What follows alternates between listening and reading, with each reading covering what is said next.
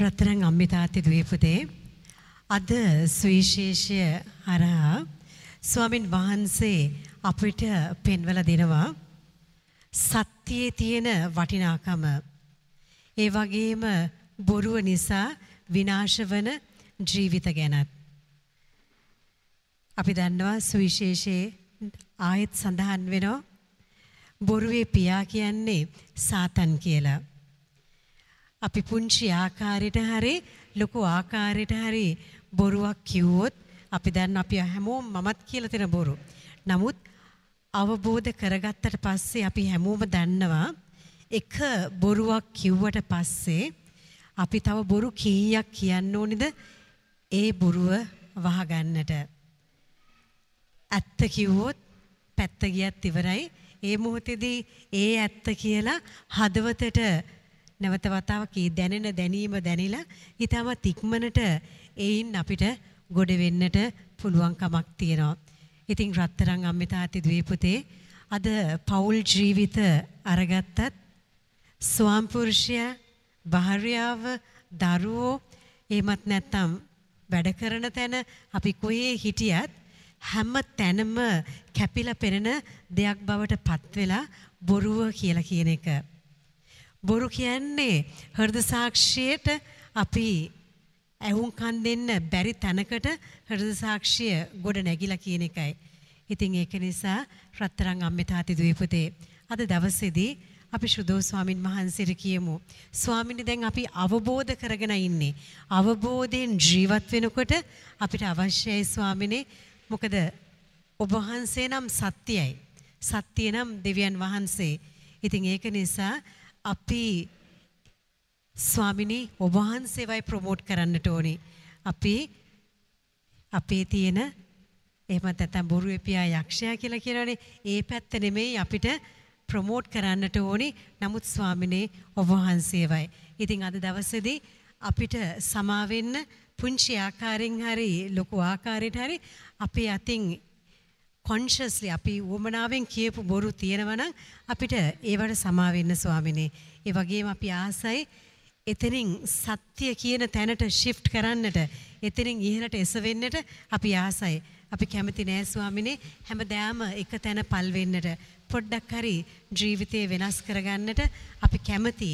ඉතින් ඒ තියෙන කැමැත්ත ශුදෝ ස්වාමිනේ ඔබ වහන්සේ ආශිර්වාද කරලා ඔබ වහන්සේගේ ආදරයේ කරුණාව තුළ ඔබ වහන්සේව පෙරදරි කරගත්ත හෘද සාක්ෂියක් එක්ක ජීවත් වෙන්නට අපි හැමෝටම අවශ්‍ය කරන වරප්‍රසාද දෙන්නට කියලා මනස්ථාපනෙන් යුතුව අපි ගායනා කරමු ස්වාමින් වහන්සේගේ ආශිර්වාදය ඉල්ලගෙන.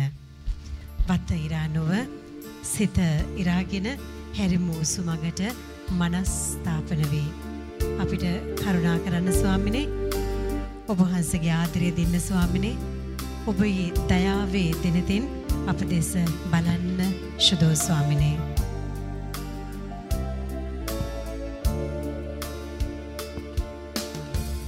වත ඉලා නොව සිත ඉලාගෙන හැරිමු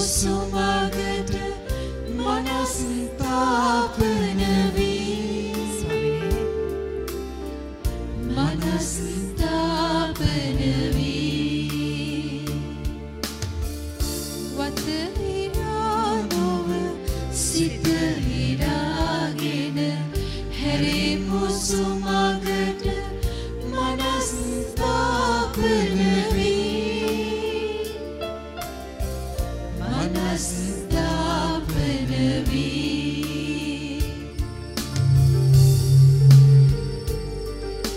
දෙනාම දැනගාමු ස්වාමින් වහන්සේව අප වෙතට කැඳව ගන්නට.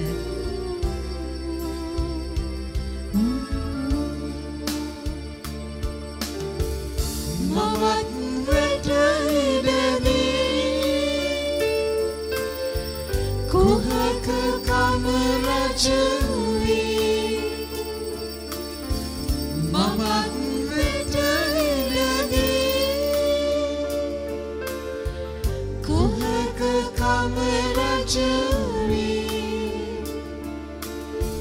දිවෙන මාසිත ඉරාගන්නම්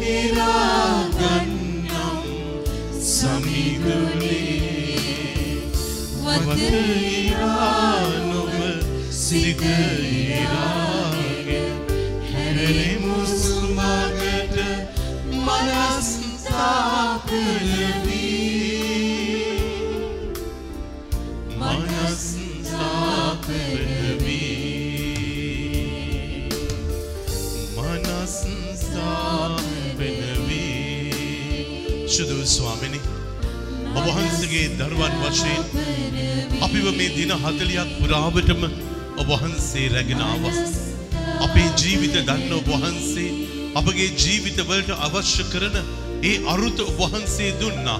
ඒ විශ්වාස පද්ධතිය ඔබහන්සේ වර්ධනය කරා.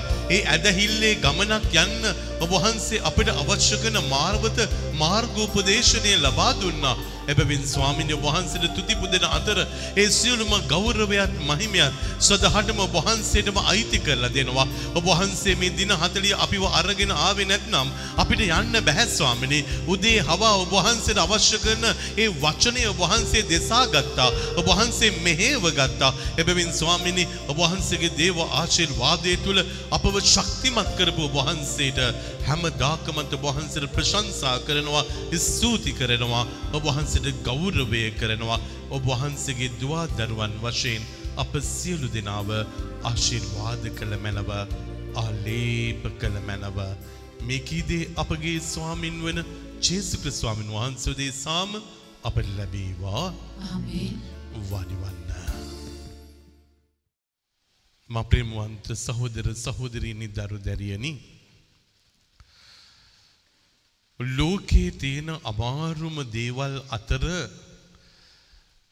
තවත් එක අමාරු දෙයක් තමයි තමා විශ්වාස කරන ඇදහිල්ල තුළ පිහිටා සිටීම. විශ්වාස කරන ඇදහිල්ල තුළ පිහිටා සිටීම. හරිම අමාරුයි. මනස හැමවෙලාවේම කියන්න පටන් ගන්නවා වැරදි කියලා. මෙතනයි මේ ප්‍රශ්නේ තියෙන්නේ. මටම මගේ මනස කියනවා ඔබ වැරදි. මගේ මනස මටම කියනවා ඔහොම කරලා හරියන්නේ නැහැ. මගේ මනස මට කියනවා මේක කරලා තේරුමක් නැහැ. මගේ මනස මට කියනවා මේවා ඔක්කොම බොරු වැඩ කියලා. එතකොට මිනිස්සුන් මට මට කියනවා නම් මේක බොරු වැඩක් මේක වැඩක් නැහැ කියලා කමක් නැහැ මිනිස්සුනේ කිව්වේ. දැන් මේ මම විසින් මා විසින්ම මට කියා ගන්නවා.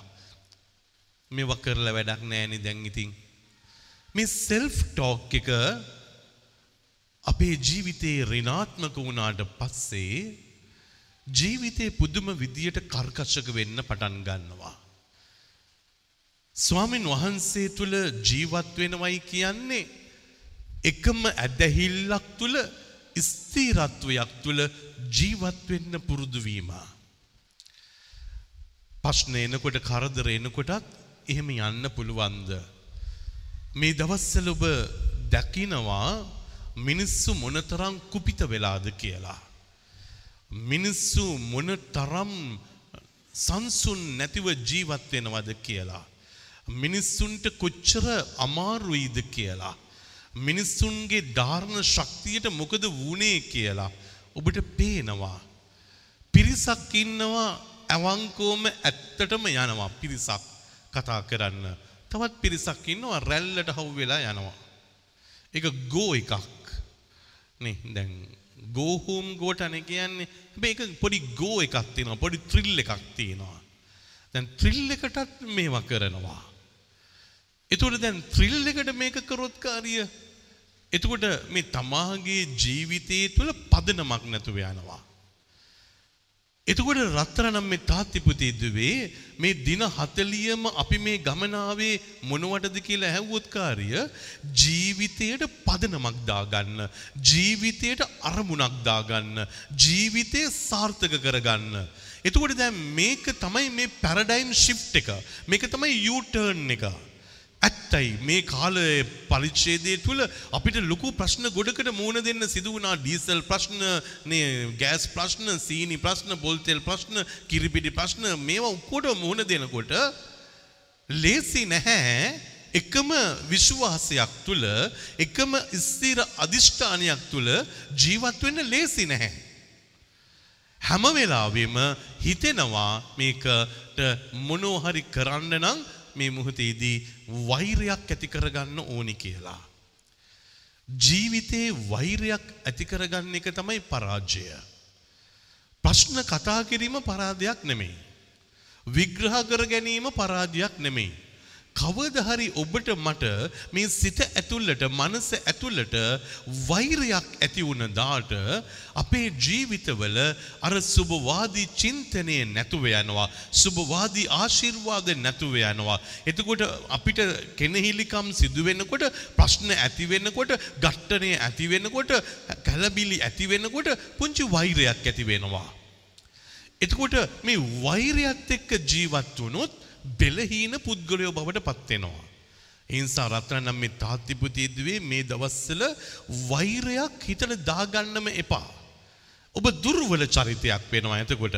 එතකොට ඉබේටම ඔබේ ජීවිතයේ ඇතුළේ මේ අවුරාව නැත්තම් මේ රැස්වලල්ල ඍණාත්මක වෙනවා. එතු රැස්වලල්ල ඍණාත්මක වුණ ගම මොකද වෙන්නේ? ඔබ ළඟ බලයක් නැතුව යනවා. එනිසා මිනිස්සු හරි ඉක්මනටම නේ කාව හරි පරාජය කරන්න ඕන නම් කරන දෙයක් තියෙනවා. මොනවද කරන්නේ? ප්‍රකෝප කරනවා, කේන්ති ගස්සනවා. මනුෂ්‍යව කේන්ති ගස්ස ගත්තට පස්සේ ඒ මනුෂ්‍යයා දුර්වල චරිතයක් බවට පත් වෙනවා.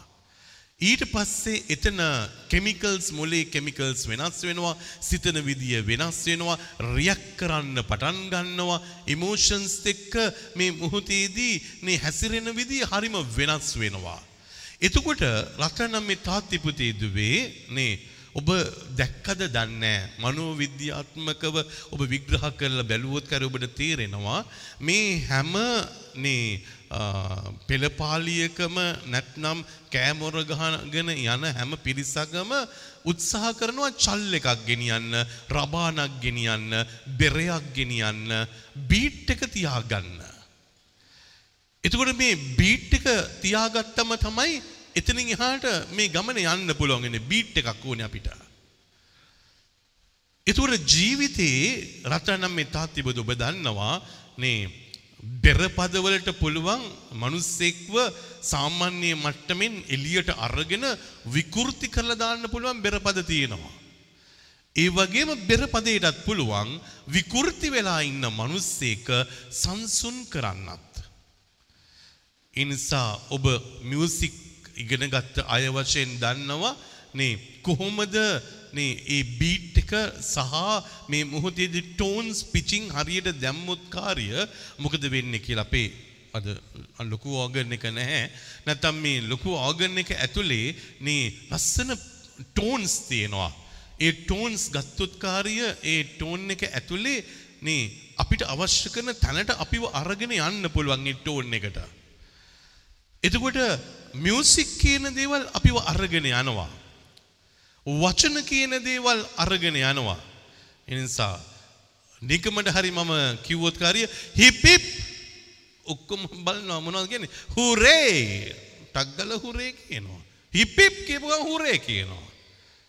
නේ මෙහෙයක් නිසා දැන් හුරේ කිව්වේ නැහැ.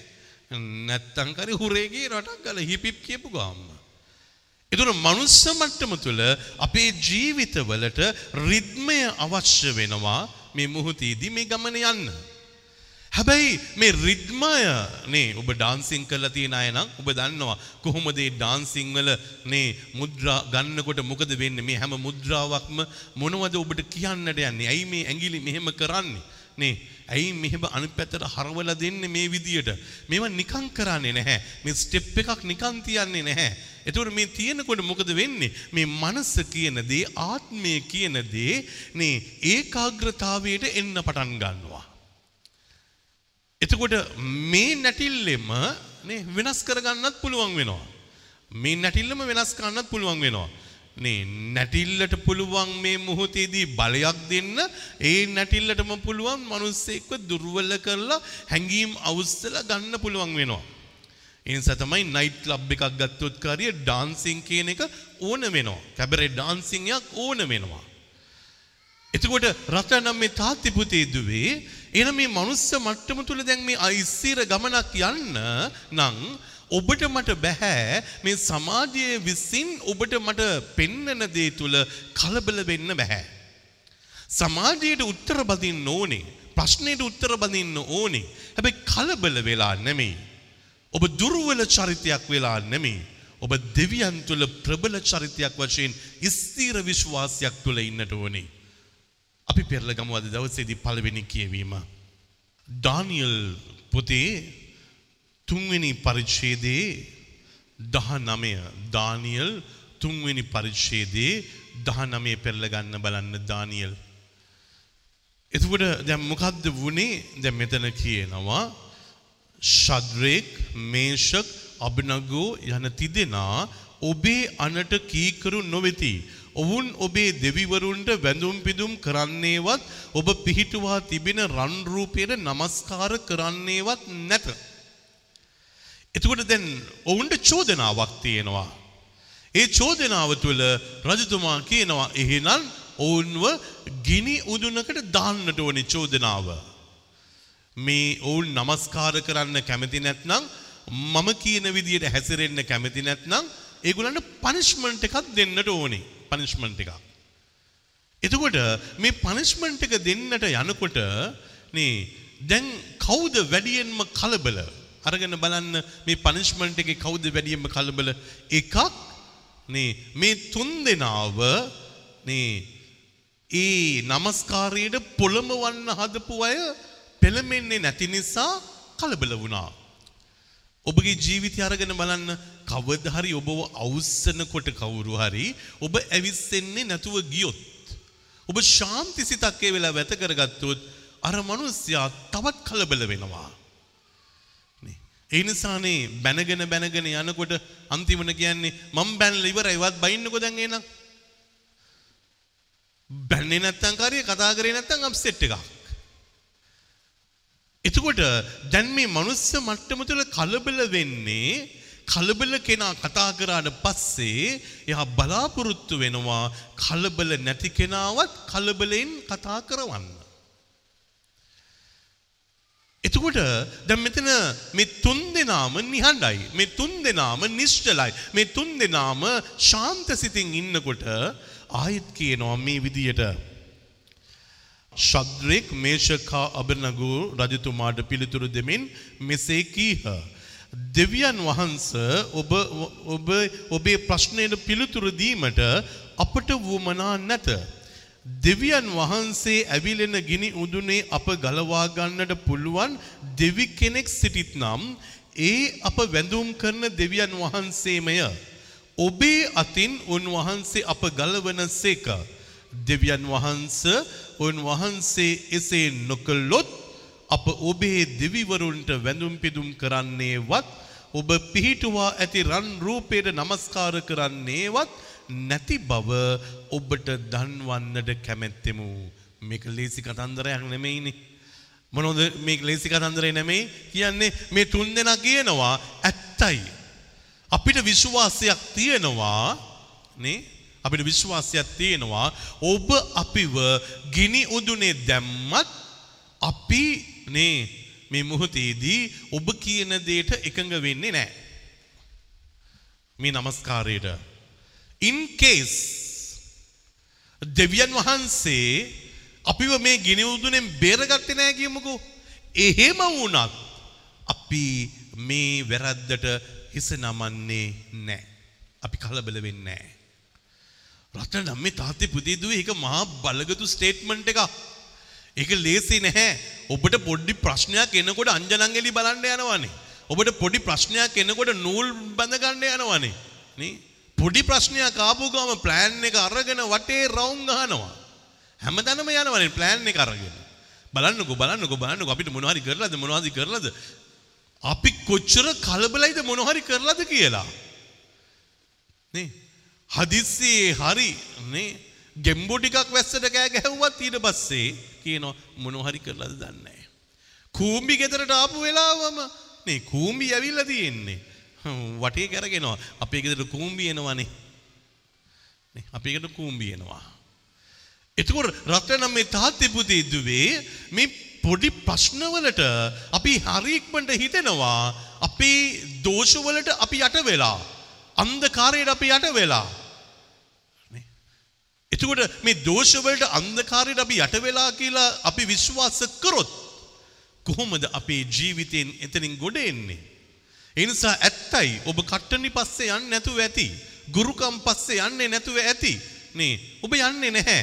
හැබැයි ඔබ මොන හරි ප්‍රශ්නයක් ආපු ගාම හිතා ගන්නවා මට මොන හරි කරලා දන්නේ නැහැ නේ. එතකොට මේ নমස්කාරය ඔබ ගිහිල්ලා කරන්න ඕනේ නැහැ. ඔබේ මනසෙන් ඔබ নমස්කාර කරමින්ම ඉන්නව හැම වෙලාවෙම. ප්‍රශ්න එනකොට කරදර එනකොට නේ හස්බන්ඩ් එක අමතක වෙලා හිට වයිෆ් හරි මතක් කරලා දෙනවා. වඩ තේරෙන්නේ නැද්දානේ අපිට මොනවා හරි කරලා කවුරු හරි. නේ. දැන් අරක්කු වලට ඇබ්බැහි වෙලා ඉන්න කෙනා කියනවද මගේ පර්සනැලිටි එක දුර්වල වෙලා මම බොන්න පටන් ගත්තා කියලා කියනවද? නැහැ. එයත් ඇවිල්ලා කියන්නේ මොනවද කියන්නේ? කවුරු හරි ජීවම් කරලා දීලා ෆාද අරක්කු බොන්න කියලා. ඒකයි මම බොන්නේ. නැත්තම් මං කටේ තියන්නේවත් නැහැ ෆාද ඕක ජීවම් කරලා දුන්නාට පස්සේ මම මොනව කරන්නද ෆාද මගේ බඩට දීලා දැන්. අරක්කුත් එක්ක දාලායි දීලා තියෙන ඒ නිසා දැන් මම අරක්කුත් එක්කම ජීවත් වෙනවා. අම්මේ තාත්ති පුතේ දුවේ හරි ලේසි කියන්න. එතකොට දැන් මගේ ජීවිතයේ ඇතුලේ අපි දුර්වල චරිත බවට පත් වුණාට පස්සේ එතන මහා තේජෝමාන බලයක් නැහැ. ඒ නිසා මම ඔබට රත්තර නම්මල තාත්තලට කියනවා ඔබේ සිතින් වැටෙන්න එපා. ඔබේ මනසින් වැටෙන්න එපා. ඒ එවැනි වැටිල්ලකට ඔබ ඉඩ දෙන්න එපා. එනිසා මිනිස්සු සාන්තුවරය වගේ ඇවිල් ඔබට කියාවි. ඇත්ත නෙන්නම් ඔගලන් ගෙදර ප්‍රශ්න ගොඩක් නේ පහුගිය කාලේ. එනිසා ගිහිල්ලා මොනෝ හරි බලාගන්නනේ බොරුවට මේ දුක් විඳ විඳ ඉන්නවට වඩා සාන්තුවරය වගේ ඇවිල්ලා කියනවා. ඔබගේ එකම විශ්වාසය කඩනවා. ඔබේ ගැඹුරු විශ්වාසය කඩනවා. ඔබ ගාව තිබිච්ච ස්ථිරත්වයේ කඩලා දානවා. ඔබව දුර්වල චරිතයක් කරලා නේ ඔයාට වාහනයක් නැත්තම් මගේ වාහනේ දාගෙන යන්නම් කියලා එක්කගෙනත් යනවා. සල්ලි නැත්තම් කියන්නේ බස් එකට මම බස් එකට සල්ලි දෙන්නම් ත්‍රිවිලර දෙන්නම්. ඕගලන්ට ආදරේ නිසා කියන්නේ ගිහිල්ලා මොනවා හරි බලලා මෙතනින් ගොඩ එන්නකෝ. අම්මේ තාත්ති පුතේ දුවේ ජීවිතය අපිව දන්නේම නැතුව දුර්වල කරලා දානවා. එතකොට මෙහෙම වෙන්නට යනවා මොනවද කියන්නේ? ඒ ඇසු නෙබුකඩ්නසර් අතිශයින්ම කෝපවිෂ්ඨ විය. ශද්‍රෙක් මේෂක් හා අභිත්නගෝ දෙස ඔහුගේ මුහුණ බැල්ම වෙනස් වී ගිනි උදුන සාමාන්‍ය ප්‍රමාණයට වඩා සද්ගුණයක් රත් කරන්නට නියම කළේය. එනිස දැන් මොකද්ද වුනේ? කේන්තිය වැඩි වෙච්ච නිසා මොනවද කියන්නේ? පනිෂ්මන්ට් එක වැඩි. ඔබේ ජීවිතේ කාට හරි දඬුවමක් කරන්න ඕන වුණොත් කේන්තියක් නැති වෙලාවේ දඬුවමක් දුන්නොත් නේ ඒ දඬුවම කොයි වගේ වෙයිවිද? ඔබේ පුතාට කියමුකෝ දුවට කියමුකෝ පාරක් ගහනවයි කියලා ඔබට හිතුණයි කියමුකෝ ඔබට කේන්ති ගිහිල්ලා නැහැ. හැබැයි ඔබ ආදරයෙන් එයාව වෙනස් කරගන්න ඔබ පාරක් ගහන්න යන්නේ. කොහොමද පාරක් ගන්න? පොඩි ටැප්පයක් දාලා කියාවි. කොච්චර කිව්වත් අහන්නේ නැහනේ මගේ චූටි කොල්ලා. මේ කොච්චර කිව්වත් අහන්නේ නැහැ මගේ චූටි කොල්ලා කියලා පොඩි පාරක් ගහනවා. කේන්ති ගිහිල්ලා නැහනේ. හැබැයි කේන්ති ගිහිලා ඉන්න වෙලාවක කියාවි ලිප ළඟට ගිහිල්ලා ඉස්සර නම් ලිපි අර දර දිනවනේ පුච්චනවා උඹව කියලා කියනවා. නේ. නැත්තම් අතේ තියෙන පිහියෙන් හරි හැඳිමිටෙන් හරි මුගෙන් හරි එලවෙලව ගහනවා. පිටිපස්සෙන් එලවෙලව ගහනවනේ. ඇයි ඒ කේන්ති ගිහිල්ලා. එතකොට කේන්ති ගියාම හැසිරෙන විදිය වෙනස්. එනිසා මම ඔබට කිව්වේ ඉෂුව එකක ප්‍රශ්නයක ඔබට ප්‍රශ්නය හැඳල් කරගන්න ඕන වුණාම කේන්ති ගත්තොත් ඔබ පරාදයි. කේන්ති ගත්තොත් ඔබ පරාදයි. ඔබේ කටට එන වචන ඔක්කොම කියලා දානවා. ඕන දෙයි ඕන නැති දෙයි ඔක්කොම කියලා දානවා. ඒ නිසා එතන පරිස්සම් වෙන්නට වෙනවා. ඒ නිසා මෙතන රජතුමාට කේන්ති ගිහිල්ලා උදුන වැඩිපුර රත් කරලා තියෙන්නේ. ඔහු ඒ තිදෙනා ඔවුන් ඇද සිට සලුව කබාය හිස වැස්ම යනාදී සියලුම ඇඳුම් පිටින්ම බැඳ ඇවිලෙන ගිනි උදුනු මැදට හෙළුහ. රජවරුන්ගේ නියමය වහා ඉටු කළ යුතුව තිබුණු බැවින් ගිනි උදුන ඉතා රත්ව තිබුණු බැවින්ද ශද්‍රෙක් මේෂෙක් අබනගෝ ගෙන ගිය අය පිටතට විහිදියා ගිනි දළුවලින් දැවී මලෝයා. බලනම් මේ තාත්තේ පුතේ දුවේ ඇයි ඒ ඒගොල්ලන්ගේ දැවුනේ? ඇයි මේ ඒගොල්ලන්ගේ පිච්චුනේ? නේ මන් මට මතකයි ඔගොල්ලෝ කරලා ඇති ෆයිල් ඉම්බෝ කරලා තියෙනවද? නේ මාත් කරා ෆයිල් ඉම්බෝ නේ ගින්දර අරගෙන නේ ඒක සෙල්ලම් කරලා එහෙම කරලා ඊට පස්සේ අත පුච්චන ගන්නවා මේ විදියට ඊට පස්සේ මගේ රවුලත් එක්කම මම මෙහෙම පන්දම දාලා අතාරිනවා නේ ඉතින් මේකදී අත පිච්චුනෙත් නෑ රවුල පිච්චුනෙත් නෑ මගේ දිව පිච්චුනෙත් නෑ. නේ. එතකොට ඒ ෆයිලිම්බු කරද්දී මට කිසිම ප්‍රශ්නයක් තිබුණේ නැහැ හැබැයි එක දවසක මට නේ ඒ ෆයිලිම්බු පන්තියට යනකොට පරක් වුණා. පරක් වුණ වෙලාවේදී නේ මම මොකද කරේ? ගියා පටුට්ටක් පරක් වුණා. එදා අපිට උගන්වන්න ඇවිල්ලා තිබෙච්ච ෆයිලිම්බ කරන්න උගන්වන්න ඇවිල්ලා හිටපු සර් මොකද කරේ? නේ එදා බැන්නා. එදා බැන්න ඔබට විනයක් නෑනේ. නේ මොන හරි ලොකු වැඩක හිර වෙලා ඉඳලා මම ගියේ. එතකොට මට පොඩක් කේන්ති ගියා. මම නැටුවේ කේන්තියෙන් එදා. නේ ස්ටේජ් එකේ නැටුවා මම කේන්තියෙන් නටන්නේ. කේන්තියෙන් නටන ගවම කේන්තියෙන් නටන ගවම ඊට පස්සේ දැන් ඉතින් ගින්දර පත්තු කරන වෙලාව ආවා. නේ ඉතින් පන්දමට ගින්දර ටක් ගාලා අහුල ගත්තා. අහුලගෙන දැන් ආයෙත් මේ ඩාන්ස් එක දානවා. ඉතින් ඩාන්ස් එක දාලා ඉවර වෙලා සාමාන්‍ය දේ දෙන්න no problem නේ. හැබැයි මගේ හිත ඇතුලේ ලොකු කේන්තියක්. මගේ හිත ඇතුලේ ලොකු තරහවක් තිබුණා ඒ වෙලාවේ. තියලා මම මෙහෙම පන්දම තියලා මෙම ඇද්ද විතරයි අත පිච්චෙනවා. එහෙමම කට ඇතුළට පන්දම දාලා කටින් දිවෙන් මේ මේ දත් දෙකෙන් හැපුවා විතරයි. පන්දමේ කෑල්ල කට ඇතුළේ වැටුණා පන්දම බිම වැටුණා. කේන්තිය වැඩි වෙච්ච පාට දිවත් පිච්චුණා අතත් පිච්චුණා. එතකොට රචන මේ තාත්ති පුතේ දුවේ නේ ඔබම දන්නේම නැතුව කේන්ති ගිහිල්ලා ඔබ කරන දේ තුල ඔබ දුර්වලයි ඔබ දුර්වලයි. ඊට පස්සේ මං තේරුම් ගත්තා මට කේන්ති ගිහිල්ලා මම මේ දේ කරපු මොහොතේ තමයි මාව පිච්චුනේ. එදා මං තීරණය කරා නැහැ ඊට පස්සේ ගින්දරත් එක්ක සෙල්ලම් කරනකොට මම කිසිම දවසක කේන්ති ගන්නෙ නැහැ. කොච්චර කවුරු ස්ටෙප්ස් වැරද්දුවත් මොන දේ කරත් no problem cool මනසකින් මේ මොහොතේදී හැමදාම ඊට පස්සේ ප්‍රැක්ටිස් කරා. cool මනසකින්. එතකොට කිසිම ප්‍රශ්නයක් නැහැ. මේ කතන්දරෙත් එහෙමයි. අර තුන් දෙනා එකම විශ්වාසය තුළ ශාන්ති සිතින් ගිනි උදුනට දාන්න අරගෙන එනකොට එනවා. හැබැයි අරගෙනාපු අය කේන්තියෙන් තරහවෙන් වෛරයෙන් තමයි එගොලන් අරගෙනාවේ. ඉන් සමුකද වනේ අර ගිනිදලු එලියට ආපු ගිනිදලු වලින්ම පිච්චිලා ඒගොලො මැරලා ගියා. අපේ ජීවිතත් එහෙමයි. කේන්ති ගිහිල්ල කරන දේවල් වල අපි විනාශ වෙනවා. කේන්ති ගිහිල්ල කියන දේවල් තුළ අපි විනාශ වෙනවා. මිනිසුන්ට ඩිවෝස් කරන්න ඕනේ නැහැ. ගෙවල්වල ඩිවෝස් කරන්න ඕනේ නැහැ. හැබැයි ප්‍රශ්න ආපුවම කරදර ආපුවම බැනගෙන බැනගෙන බැනගෙන බැනගෙන යනකොට අන්තිමට කියනවා නේ මම ඔයාව ඩිවෝස් කරලා මම දාලා යනවා. දැන් මොනවටද ඩිවෝස් කරන්න? අර තරහ ගිය මොහොතේදී තමයි කිව්වේ. හැබැයි ටික දවසක් යනකොට අර කිව්වනේ අර විදියටම හැම වෙලාවෙම ඔක්කොම වෙනවා. ඊට පස්සේ දෙවෙනි දවසේ සම්ඩුවක් වෙනවා ආයෙත් ඩිවෝස් කරනවා කියනවා. ආයෙත් තුන්වෙනි දවසේ සම්ඩුවක් වෙනවා ආයෙත් ඩිවෝස් වෙනවා කියනවා. අන්තිමට ඩිවෝස් පේපර්ස් ගෙදරට එනකම්ම දන්නේ නැහැ. බලපුවම හැන්ඩල් කරලා බැලුවොත් කේස් එකක් නැහැ. තරහ ගිය වෙලාවේ කියපු වැරදි වචනයක් ඔබ විනාශ කළ දානවා. ඒ නිසා තරහ ගිහිල්ලා වැරදි වචන පාවිච්චි කරන්න එපා. තරහ ගිහිල්ලා වැරදි වචන පාවිච්චි කරන්න එපා. එතකොට දැන් මේ තුන් මේ කීප දෙනා පිච්චිලා යනවා. එතකොට කියනවා නබකරුණසු රජ පුදුමයට පත් වී වහා නැගිට මන්ත්‍රීවරුන් අමතා අප බැඳ ගින්නට හෙළුවේ මිනිසුන් තුන් දෙනෙක් නොවෙද්දැයි ඇසීය. එසේය දෙවියන් වහන්සේ කියා ඔහු පිළිතුරු දුන්න. එවිට රජතුමා අන්න මිනිසුන් සතර දෙනෙකු සිටිනු මට පෙනේ. කිසි පීඩාවක් නැතිව ඔහු ගින්න මැද ඇවිදිති සතරවැනියා පෙනුමෙන් දේව පුත්‍රයෙක් වැනියයි කීයා.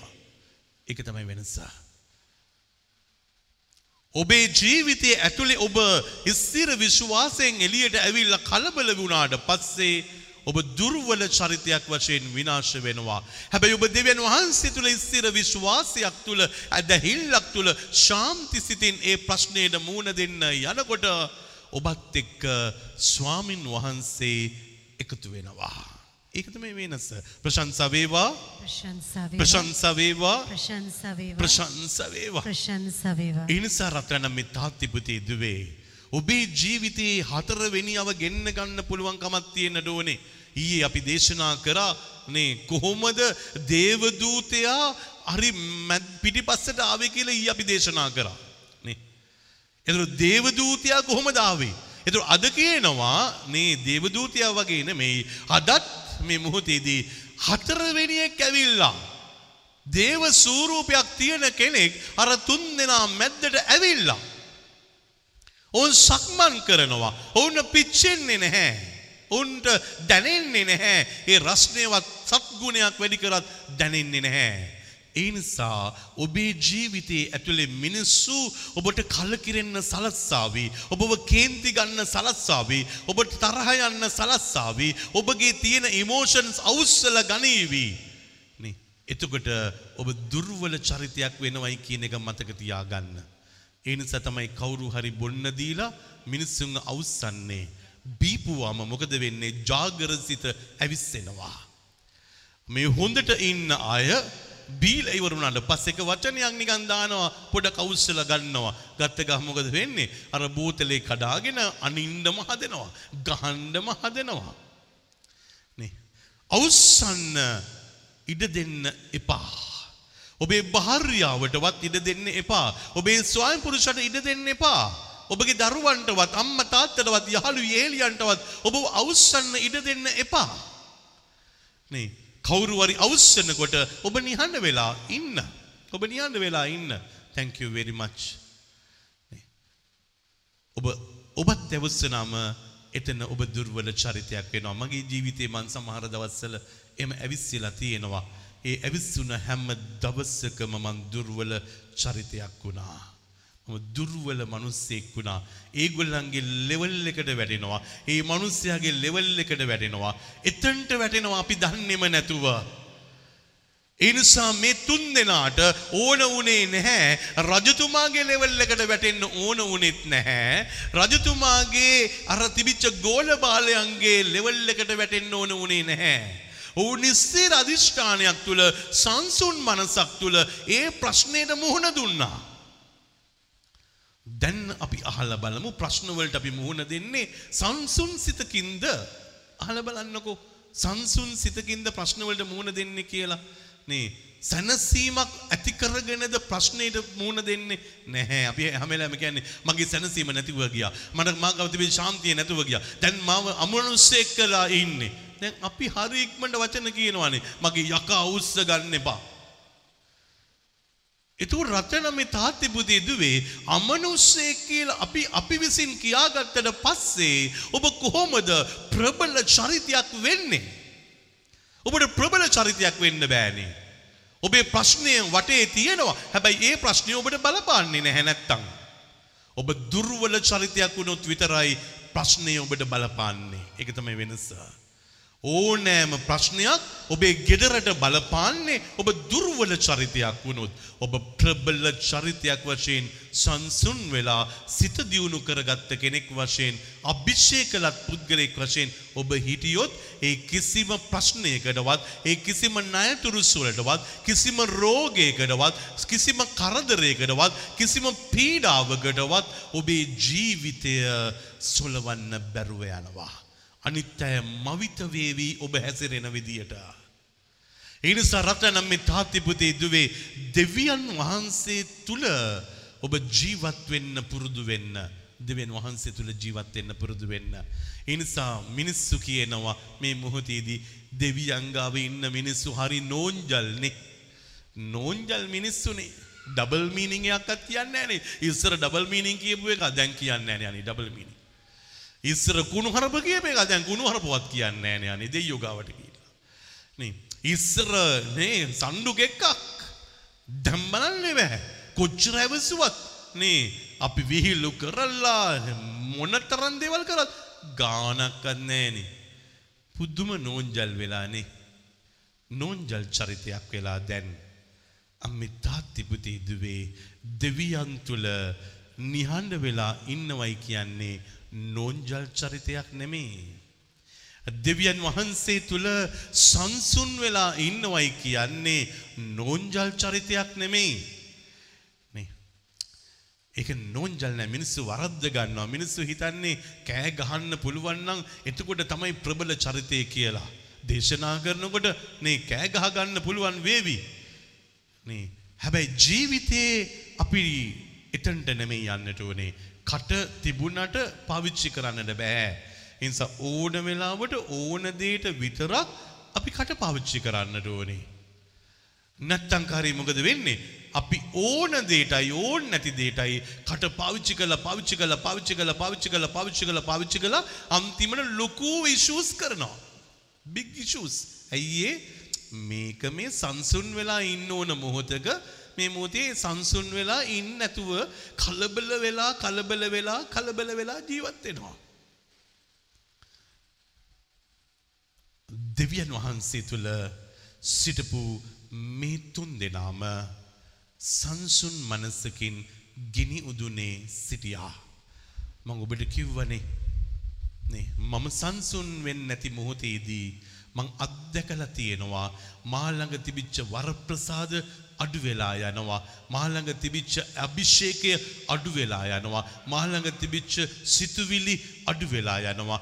මා ළඟ තිබිච්ච ආදරය අඩු වෙලා යනවා. මට වටේටම තිබිච්ච ඒ මහා ආදරය අඩු වෙලා යනවා. වරප්‍රසාද අඩු වෙලා යනවා. මිල මුදල් අඩු වෙලා යනවා. හැකියාව අඩු වෙලා යනවා. හැම දෙයක්ම අඩු වෙලා යනවා. සමහර වෙලාවට මම්ම ගියා ගන්නවා අපරාධනේ දෙයියනේ. මට මේ වෙලාවේ සංසුන් වෙලා ඉඳගෙන හිටියනම් මේ දේවල් එකක්වත් නැති වෙන්නේ නැහනේ. බොරුවටනේ මන් නැති කරගත්තේ. ඔබේ ජීවිතේ ඔබට එහෙම හිතෙන්නේ නැද්ද?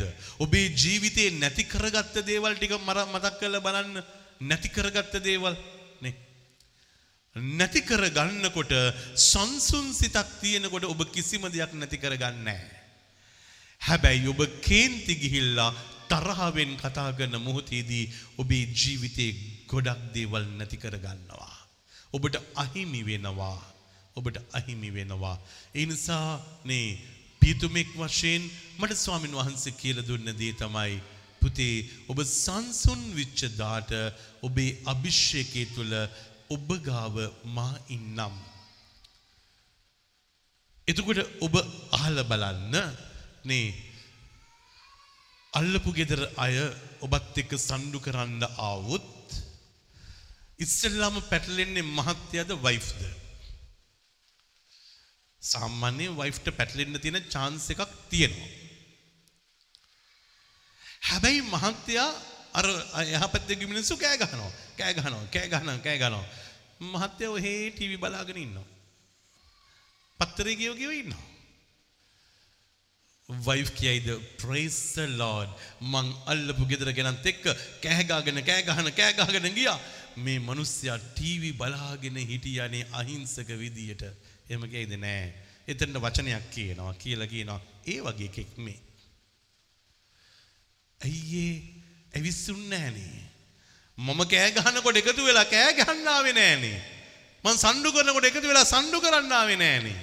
මං බයිනකොට එකතු වෙලා බනින්නාවේ නෑනේ. මේ වගේ එක එක මට ඕනද? අපේ ගෙදරට ඕනද කියලා අහනවා. හැබැයි එහෙම අය තමයි ආශිර්වාදිත අය. ඉනිස රටනම් මේ තාතිපති දුවේ අපිට තේරෙන්නේ නැහැ. ආශිර්වාදිතකම කියන්නේ මොකක්ද කියලා.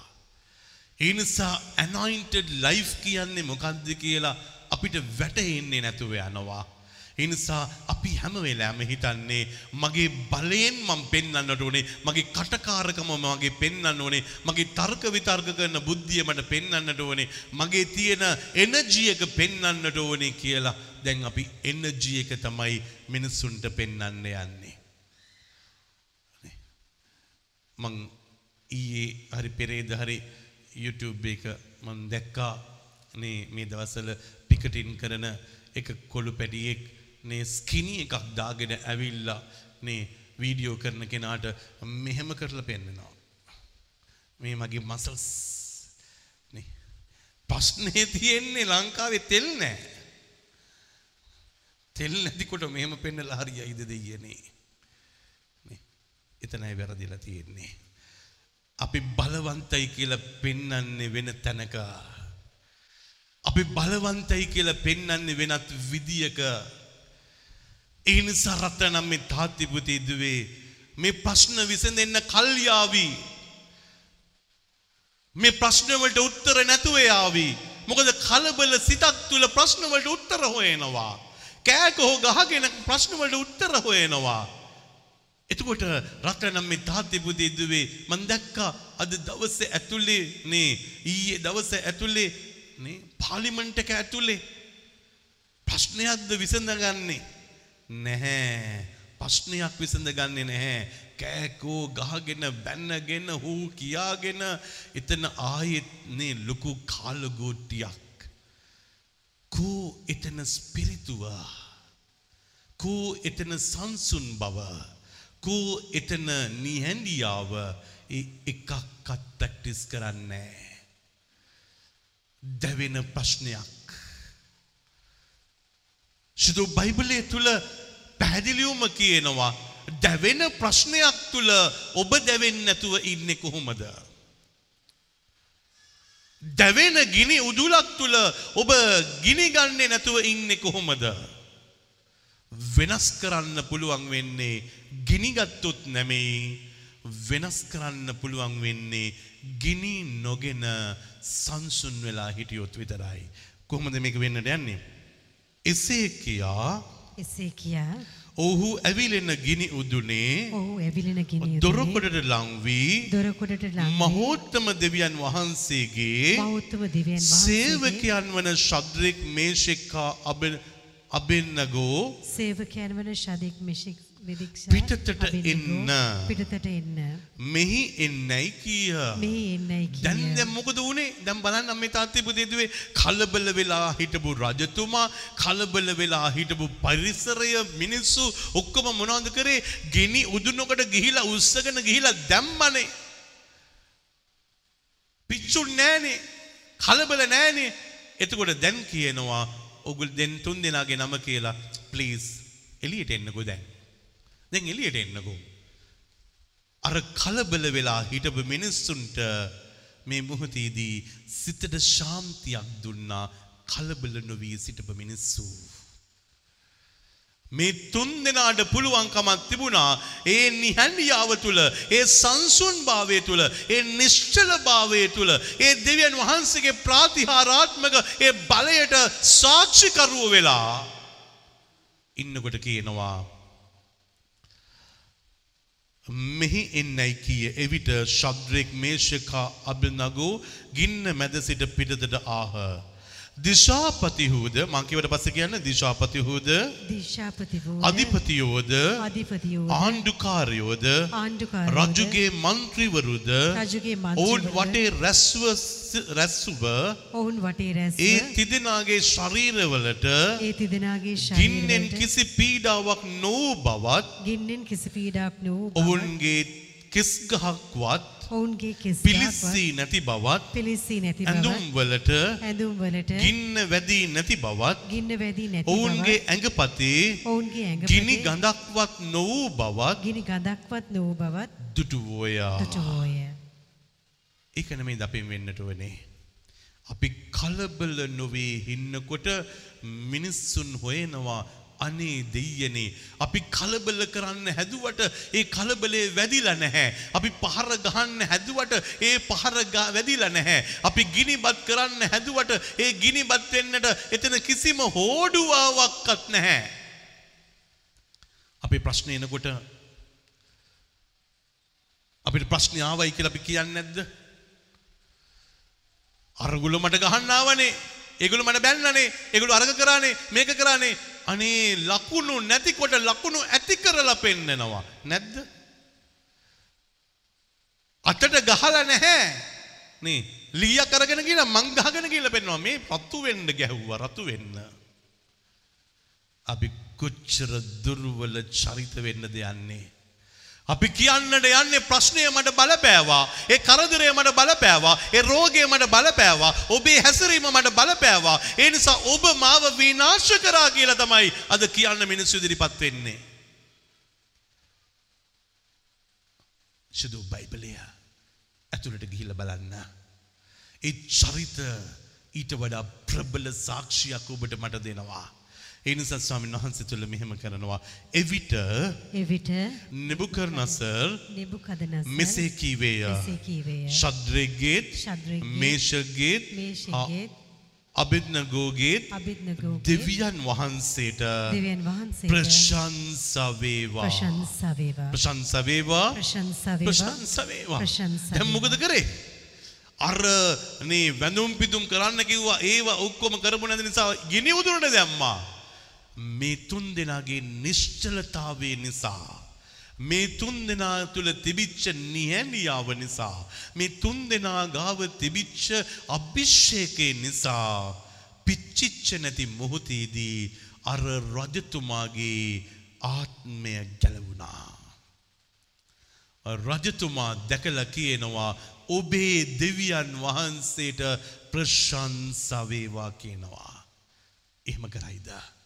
ඔබත් මාත් ප්‍රශ්න හැන්ඩල් කරනකොට ඔබත් මාත් ද- දවස ගත කරනකොට ඔබ ඉෂුස් හැන්ඩල් කරනකොට කවදා හරි ඔබගේ ඒ වටපිටාවේ හිටපු අය ඔබට චෝදනා කරපු අය ජීවිතේ වෙනස් කරගෙන කියයිද praise the lord මං ඔබේ දෙවියන්ට ගරු කරනවා කියලා කියයිද එනිසා වරද්ද ගන්න එපා. මේ කාලේ වරද්ද ගන්න එපා.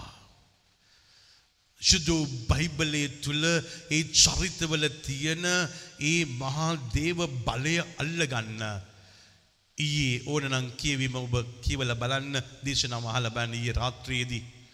ඔබට තේරේවි එතකොට කොහොමද එතර කරේ? රතු මුහුදෙන් එතර කරේ කොහොමද? අද කියනවා ස්වාමින් වහන්සේ. නේ අදට නියමිත කියවීම මේක. නේ අද කියනවා. මං අද උදේ මේ කියවීම ගත්තේ නැහැ. මම වෙන කියවීමක් අරගෙන උදේට මම මේ කියවීම රැට තියාගත්ත ඔබ වෙනුවෙන් එනිසා රත්න මේ තාත්තේ පුතේ දුවේ ජීවිතය කියන්නේ කලබල වෙලා ගන්න තීන්දුවක් නෙමෙයි ජීවිතය කියන්නේ දෙවියන් වහන්සේත් එක්ක බද්ධ වෙලා ආශිර්වාදයක් තුළ ගන්න තීන්දුවක්. එදාට අපේ දේශය නැගිටීවී. එදාට ඔබ මා හැසිරෙන විදිය දැකලා දෙවියන්ගේ කෙනෙක් කියලා දැකලා ගොඩක් අයගේ ජීවිත වෙනස් වේවී. ඔබ මා සාක්ෂි දරන්නට ඕනේ ඔබත් මා දෙවියන් වහන්සේගේ මැදහත්කරුවෝ කියලා මේකට තමයි සාක්ෂිය තියෙන්නේ.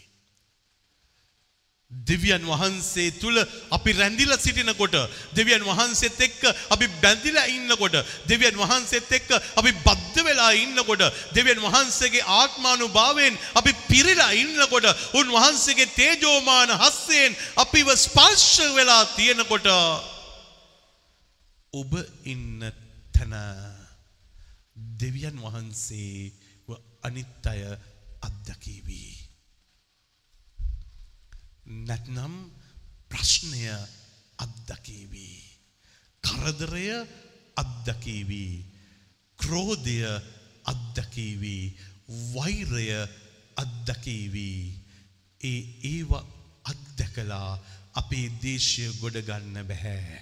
ඒව අත්දැකලා අපේ පවුල ගොඩගන්න බැහැ. ඒව අත්දැකලා අපේ ව්‍යාපාර ගොඩගන්න බැහැ. ඒක වලින් ඒ වලින් අපිට යන්න බැහැ. ඒ නිසා ජීවිතවල මනස්ථාපනයක් ඕනේ. ජීවිතවල මනස්ථාපනයක් ඕනේ. සිත හැරෙන්නට ඕනේ. සිත වෙනස් වෙන්නට ඕනේ. මේකට මේ කාල පරිච්ඡේදයේදී අපි ස්වාමින් වහන්සේව අතහැරලා දාලා ගිහිල්ලා බෑ. ඔබ යන ඕන තැනකට ජේසුවත් එක්කගෙන යන්න. ඔබට පාරට බහින්න ඕන වුණොත් ඔබ කියන්න ජේසුනි එනවද යන්න මාත් එක්ක පාරට? එනවද යන්න මාත් එක්ක පාරට? ඔබට යන්න වුණොත් කඩපිලිවලට අඬ ගහගෙන යන්න ජේසුව. උන්වහන්සේවත් අරගෙන යන්න. ඔබේ යාළුවන්ත් එක්ක උන්වහන්සේවත් එක්ක කරගෙන යන්න. ජේසුට කියන්න ජේසුනි මම යන්නයි යන්නේ. ලොකු කලබලයක්. ලොකු කලබලයක්. මං එතනට යන්නයි යන්නේ. ඔබ වහන්සේ මාත් එක්ක එන්න ඔබ වහන්සේ මාත් එක්ක එන්න. කී දෙනෙක් හිටියද පල්ලියට ගිහිල්ලා ස්වාමින් වහන්සේව එක්කරගෙන ගිහිල්ලා මිනිස්සුන්ට දීලාවද? මිනිස්සුන්ට දෙන්න ඕනේ ස්වාමින් වහන්සේවද නැද්ද? ස්වාමින් වහන්සේව දෙන්න නෙමෙයිද කාලය ඇවිල්ලා තියෙන්නේ? ස්වාමින් වහන්සේව එක්කරගෙන ගිහිල්ලා එන්න ජේසුනිය වහන්සේ අවිල්ලා නේ අපි අතරට එන්න. පල්ලිය මංගල්වලට ඒක නෙමෙයිද අපි කරන්නේ? අපි පල්ලිය මංගල්ලෙට සුරුවම අරගෙන ගම වටේම ගිහිල්ලා කියනවා පාරෙන් පාරට ගිහිල්ලා කියනවා අපේ ගම ආශිර්වාද කරන්න අපේ රට ආශිර්වාද කරන්න. නේ සප්‍රසාද වහන්සේ අරගෙන අපි පෙරහැරේ නේ යන්නේ මොනවටද? අරගෙන ගිහිල්ලා අපි කියනවා නේ අනේ ජිස්සුනේ මේ මොහොතේදී ආශිර්වාද කරන්න. අපේ ගම ආශිර්වාද කරන්න. මේ පරිසරය ආශිර්වාද කරන්න. මේ ගෙවල් දොරවල් ආශිර්වාද කරන්න. ජේසුවයි අරගෙන යන්නේ. දෙවිකත්වයයි අරගෙන යන්නේ. එතකොට ඔබේ ජීවිතයේ ඇතුලේ ඔබ කේන්ති ගිහිල්ලා ගියොත් ඔබ තරහාවිල්ලා ගියොත් ඔබ වෛරයකින් ගියොත් ඔබ නුරුස්සන ගතියකින් ගියොත් ඔබ දැවේවි. ඔබ දුර්වල චරිතයක් වේවි. ඒ නිසා ස්වාමින් වහන්සේ ඉන්න වග කාටවත් පේන්නේ නැතුව යාවි. ජේසු ජීවමානව එතන හිටියා. හතරවෙනියා මෙතන හිටියයි කියන එක කාටවත් පේන්නේ නැතුව යාවි. ඒ ජීවමාන ජේසු අපිට කතා කරා. ඒ ජීවමාන ජේසු අපි දිහා බලාගෙන හිටියා. ඒ ජීවමාන ජේසුට ස්තුතියි කියලා කියන්නවත් කාටවත් බැරුව යාවි. ආයිත් අහන්න ඔබේ විශ්වාසය තුළ ඔබ මේ වන්දනා ගමන යන්න කැමතිද. නැත්නම් ප්‍රශ්නයට මැදිවිච්ච ප්‍රශ්නයක ජීවත්වෙන කෙනෙක් බවට පත්වෙනවද. කරදරයට මැදිවිච්ච කරදරයක ඉන්න කෙනෙක් වගේ ජීවත් වෙනවද. නැත්නම් අර දැවෙන්න උදුන මැද්දෙත් ඔබේ ජීවිතය නොදැවී මේ මොහොතේදී අනිත්‍යයට ආශිර්වාදයක් වෙනවද. බැලූ බැල්මට රජතුමාගේ ගින්නට හව්වෙලා හත්ගුණයක් වැඩිකරපු ගින්නට හව්වෙලා පිච්චිලා මැරල යන්න ඕනේ. හැබැයි සංසුන් සිතක් ශාන්ති මනසක් ආදරවන්ත හදවතක් තුළ ජීවත් වෙද්දී එතනදී ආශිර්වාදය රජතුමාට එතන හිටපු ප්‍රධානීන්ට ඔක්කෝටම ලැබිලා හැම කෙනාම කියනවා ඔබේ දෙවියන් වහන්සේට මේ ප්‍රශ්නය විසඳන්න පුළුවන් ස්තුතියි කියලා කියනවා. එහෙනම් කාලය ඇවිල්ලා ඔබව කවුරු හරි දැක්කොත් දෙවියන් වහන්සේට ස්තුති කරන විදියට ජීවත් වෙන්න.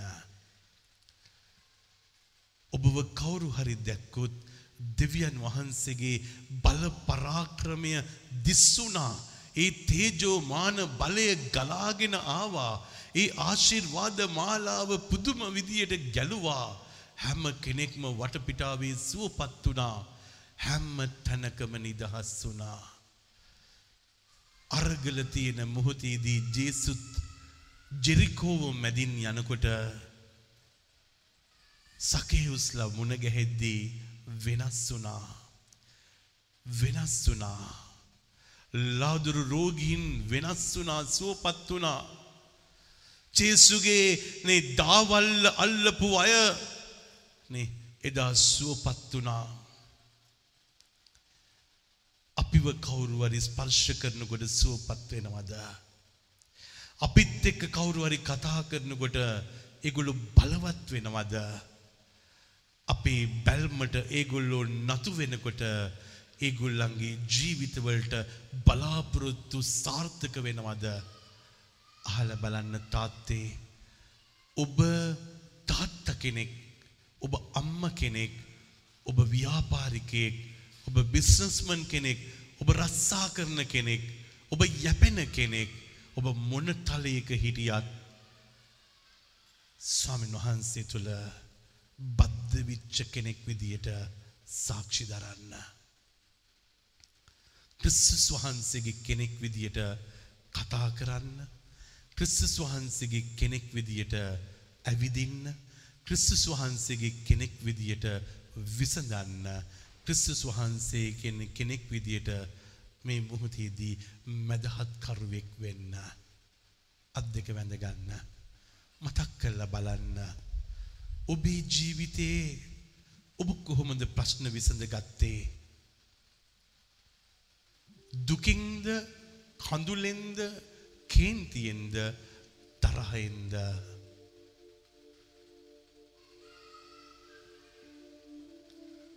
ඔබේ සිත ඇතුලේ වෛරය කොච්චර කල්තියා ගණ්ඩද යන්නේ?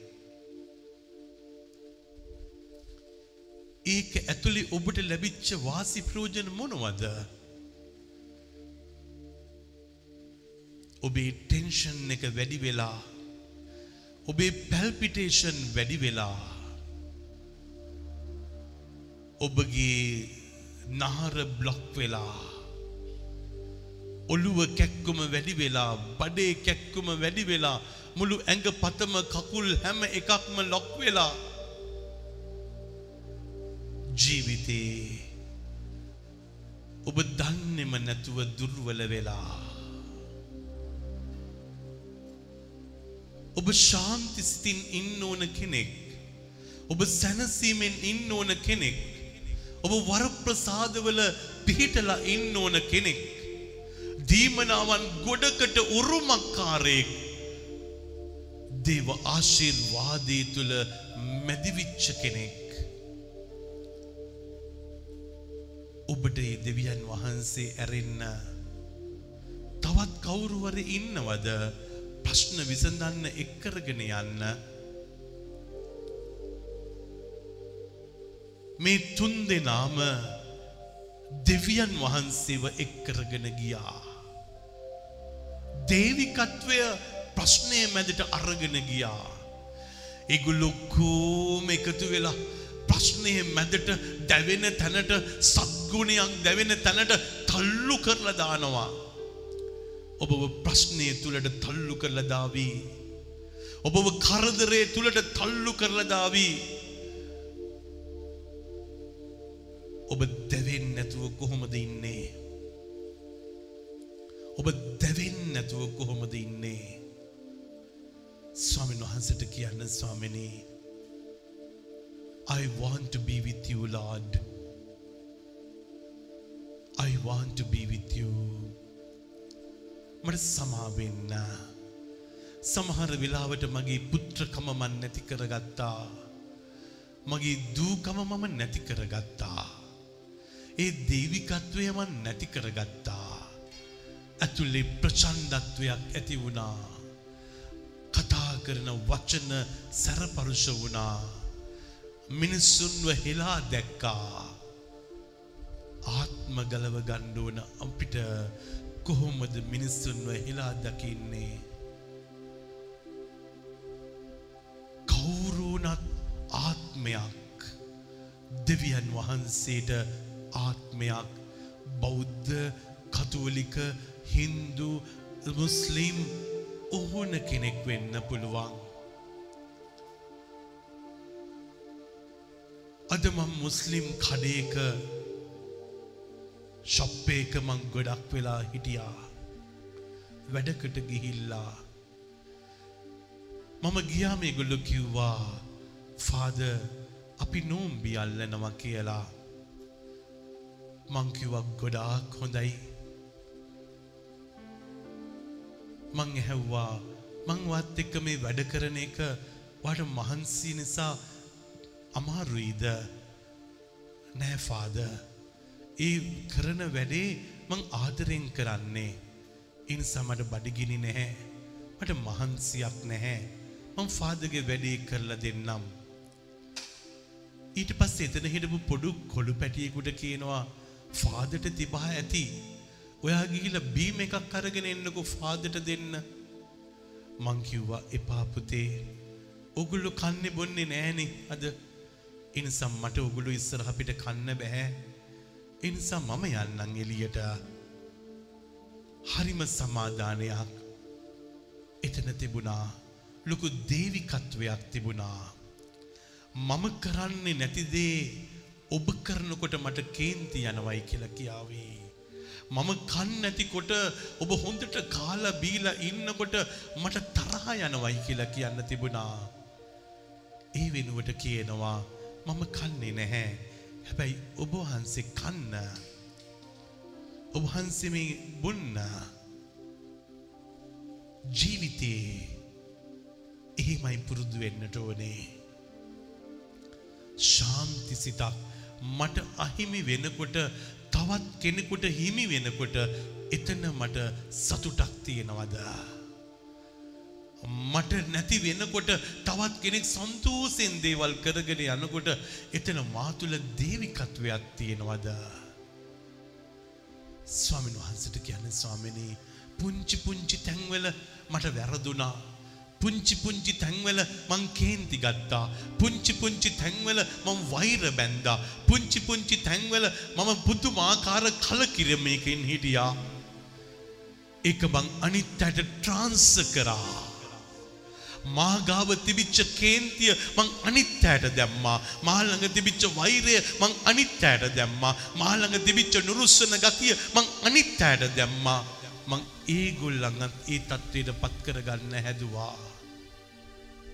අනේ ජේසුනේ මට සමා වෙන්න. Forgive me lord. එහෙනම් අපි නැගිටිමු. නැගිටලා ස්වාමීන් වහන්සේට කියමු. ස්වාමිනේ මගේ ජීවිතය ඇතුලේ වැරදුණු තැන් තිබුණා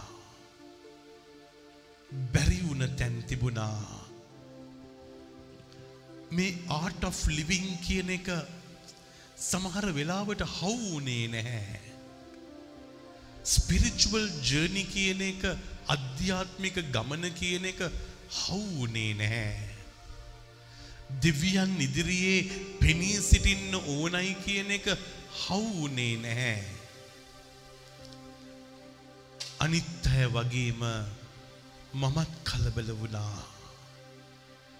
අනිත් අය කරන විදියට මමත් කරනවා. අනිත් අය කියන විදියට මමත් කරනවා. මට ඔබවහන්සේගේ වෙන්න බැරුව ගියා.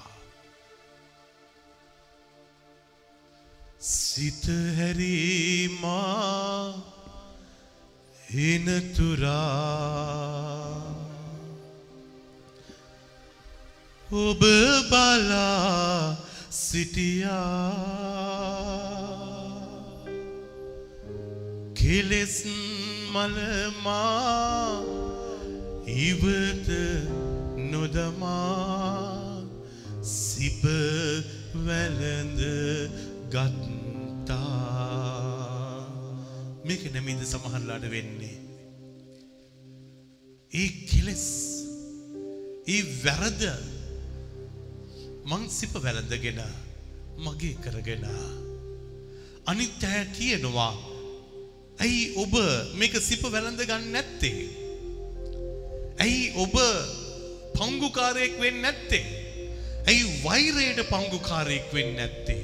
ඇයි තරහාවට පංගුකාරයෙක් වෙන්න නැත්තේ. ඇයි කේන්තියට පංගුකාරයෙක් වෙන්න නැත්තේ. ස්වාමීන් වහන්සේ ඔබට කියාවේ සංසුන් වෙන්න. සතුට සම්පත සොය සොයා එහිම වෙනසීලා ඒකම සම්පත ඔබම පබනයි මා වටහා ගත්තා. විසඳුම ස්වාමින් වහන්සේ. ප්‍රශ්නයට උත්තරය ස්වාමින් වහන්සේ. රෝගයට සුවය ස්වාමින් වහන්සේ. පීඩාවෙන් මිදීම ලබා දෙන්නෙත් ස්වාමින් වහන්සේ. දේව දූතයාව එවන්නෙත් ස්වාමින් වහන්සේ. වලා ටැබ එවන්නෙත් ස්වාමින් වහන්සේ. අසුරුවන්ගේ ඒ විරුද්ධ කාර්යන්ගේ ඒ රෝධ නතර කරන්නෙත් ස්වාමින් වහන්සේ. You should not try to handle the situation. ඔබ manipulate කරන්න යන්න එපා. Allow the good Lord to speak on behalf of you. ඉඩ දෙන්න ස්වාමින් වහන්සේට ඔබ වෙනුවෙන් කතා කරන්න. ඔබ වෙනුවෙන් ඉදිරියට එන්න. උන්වහන්සේට කියමු ස්වාමිනී අපේ පාරවල් වල සක්මන් කරන්න. අපේ ගෙවල් දොරවල් අතරින් ඔබහන්සේ යන්න. අපේ ගේවල් ඇතුළට ඔබහන්සේ ඇවිල්ල බලන්න. අපේ ගෙවල් ඇතුල්ල මළගෙවල් වගේ. අපේ ගෙවල් ඇතුල්ලේ සම්බන්ධතාවයන් නැති වෙලා ආදරය නැති වෙලා බැඳීම නැති වෙලා සහයෝගය නැති වෙලා එකගතාවේ නැති වෙලා සෙනෙහස නැති වෙලා වෛරය පැතිරිලා ඊර්ෂ්‍යාව ඇති වෙලා සැකය මතු වෙලා ජීවිත හෙම්බත් වෙලා. අපි පාරට බැස්සා. අපි ගමට ගියා. ගල් අරගෙන යනවා. ගෙවල් වලට ගහන්න. රටක් වෙනස් කරන්නද නැහැ. ආත්ම ගලව ගන්නද නැහැ. තවත් කෙනෙකුට හානි කරන්න අපි කාටවත් බෑ. වචනයකින්වත් බැහැ. කීර්තිනාමය කාගේවත් නැති කරන්න අපිට බැහැ. ස්වාමීන් වහන්සේ ප්‍රශ්නයට උත්තරයයි. එනිසා අපි ආයෙත් ස්වාමීන් වහන්සේ වෙතට ඇවිල්ලා කියමු. පියාණනී අපි අසරණයි ඇත්තයි. අපි අසරණයි. අපි දේශයක් විදිහට දැන් අසරණයි. අපි රටක් විදියට අපි අසරණයි. අපි ගමක් විදියට අපි අසරණයි. අපි දෙව් මැදුරක් වශයෙන් අපි අසරණයි. අපි සංඝයක් වශයෙන් අසරණයි. අපි අසරණයි. අපි අත් දෙක දික් කරලා කියමු. පියාණනී අසරණයි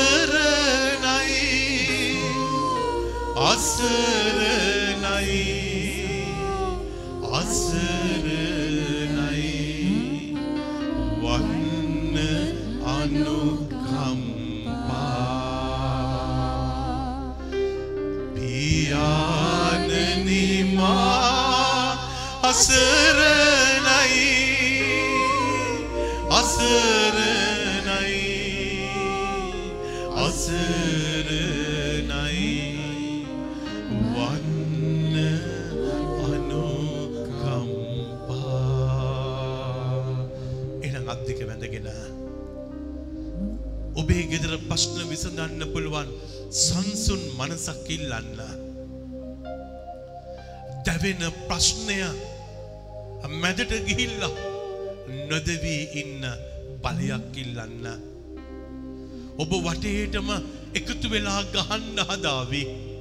ඔබේ ගෙදරම ඉන්න ස්වාමි පුරුෂයා ඔබේ ගෙදරම ඉන්න භාර්යාව ඔබේ ගෙදරම ඉන්න අම්මා තාත්තා ආච්චි සීයා පුතාලා දුවලා ඔක්කොම ඔබට ගහන්න හදනකොටත් ඔබට පුළුවන්ද සංසුන් වෙලා ශාන්ති සිතකින් ඒ අයට දේවාශිර්වාදය ලබා දෙන්න. එනමුන් වහන්සේට අන ගහන්න. ඔබ වහන්සේ එන්න ජේසුනි අපේ ගෙදරට යන්න. අපේ සිත ඇතුළට එන්න අපේ වැඩපලට යන්න එන්න මගේ ෆැක්ටරියට එන්න මගේ පවුල ඇතුළට එන්න මගේ නිදන කාමරයට එන්න මගේ තාත්තා තුළට අම්මා තුළට ආච්චි තුළට සීයා තුළට හැම කෙනෙක් තුළටම වහන්සේ වැඩම කරන්න.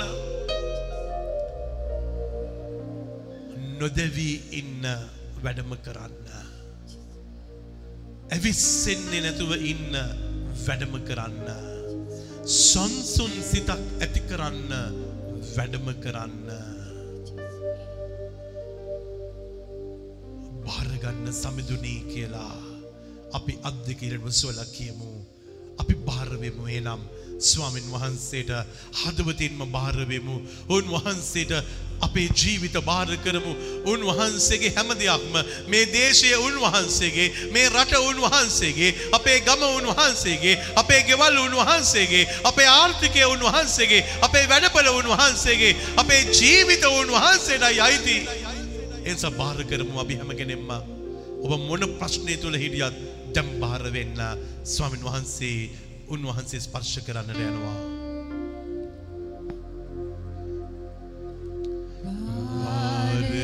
ගන්න සමිඳුනේ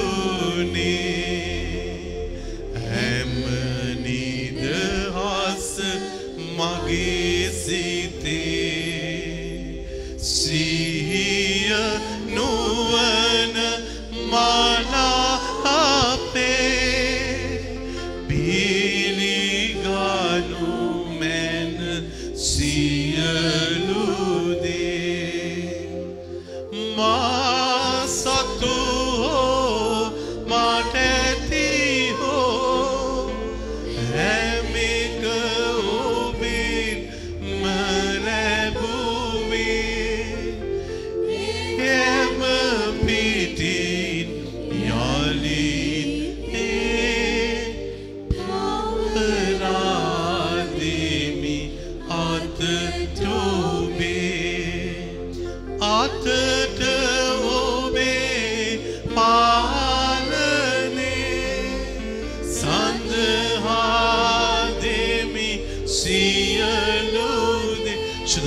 ස්වාමිනි මේ දුව දරුවන් ආශිර්වාද කරන්න ස්වාමිනි.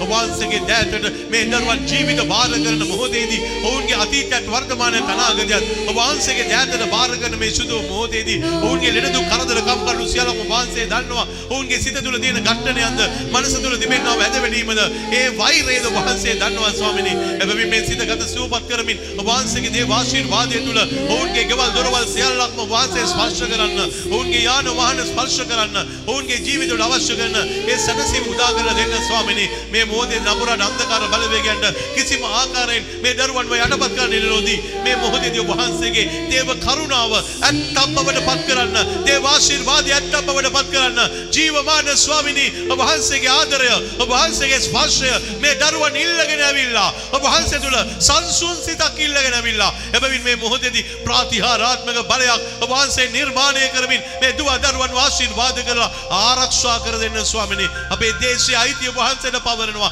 අපේ නායකත්වයන් ඔබ වහන්සේට පවරනවා. මනුස්ස මට්ටම තුල ඔබ වහන්සේ හරි දේ කරනවා ස්වාමිනී. හරි දේ කරන්න ස්වාමිනී. හරි දේ කරන්න විය යුතු දේ කරන්න අපේ දේශයට අවශ්‍ය කරන ඒ ශාන්තිය ගැලවීම මේ මොහොතේදී ඔබ වහන්සේ ඉදිරියේ අපි කන්න ලව් කරනවා ස්වාමිනී. අපි කන්න ලව් කරනවා ස්වාමිනී. අපි කන්න ලව් කරනවා ස්වාමිනී. අපි කන්න ලව් කරනවා. එහෙනම් ඒ අත් දෙක ආදරයෙන් යුතුව වැඳගෙන දෙවියන් වහන්සේට කියන්න මේ දේශය අපිට බාර දෙන්න වෙන කෙනෙක් නැහැ. අපිට තේරෙන්නේ නැහැ. අපිට ඇවිස්සෙන්න බෑ. මේ ප්‍රශ්නයෙන් ගොඩ එන විදිය කවුරුත් කතා කරන්නේ නැහැ. සණ්ඩු විතරයි කරන්නේ අනේ ජෙසුනේ ඔබහන්සේ අපේ දේශයේ සක්මන් කරලා ඒ ගින්න නිවන්න ඒ ශාන්තිය අපිට දෙන්න අපිට අලුත් යුගයක් ඔබහන්සේ හදල දෙන්න හදල දෙන්න හදල දෙන්න. එහෙනම් වම්මත පපුුවට තියාගෙන අපේ දකුණුවට ඉහිල්ද උත්සවලා අපේ දේශයට යවන්න හැම තැනකටම යවන්න පාලිමන්ටකට යවන්න පාරතොටට යවන්න ටයර් පුච්චන තැන්වලට යවන්න ගල් ගහන තැන්වලට යවන්න. ස්වාමෙන් වහන්සේ තුළ මේ මුහොතේදී හැම තැනකම ඒ ඇවිලෙන ගින්නක් නෙමෙයි අපිට ඕනේ. විසඳෙන ප්‍රශ්නයක්. ජෙස්සුගේ මැදහත්කාරකමක්. සණ්ඩුවක් නෙමෙයි ඕනේ. එකා පරයා එකා නැගිටීම නෙමෙයි ඕනේ. අපේ දේශයේ ඇතුලේ ආර්ථික නැගිටීමක් ඕනේ. අපේ දේශයේ ඇතුලේ ගොවීන්ට නැගිට ගන්න ඕනේ.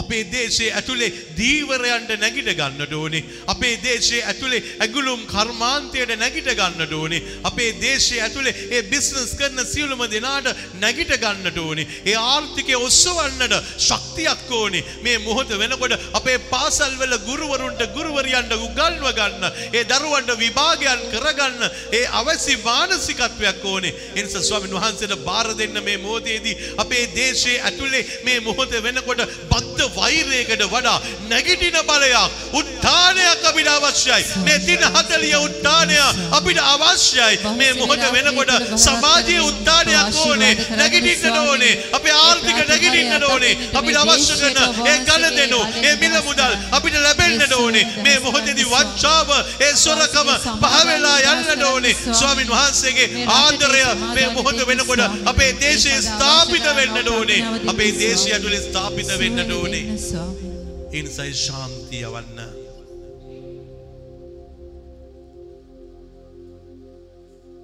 ඒ ශාන්තිය ඔබ දේශය වෙනුවෙන් ඉල්ලුවොත් ශාන්තියෙන් පිරුණු දේශයක් ඔබටත් ලැබේවී.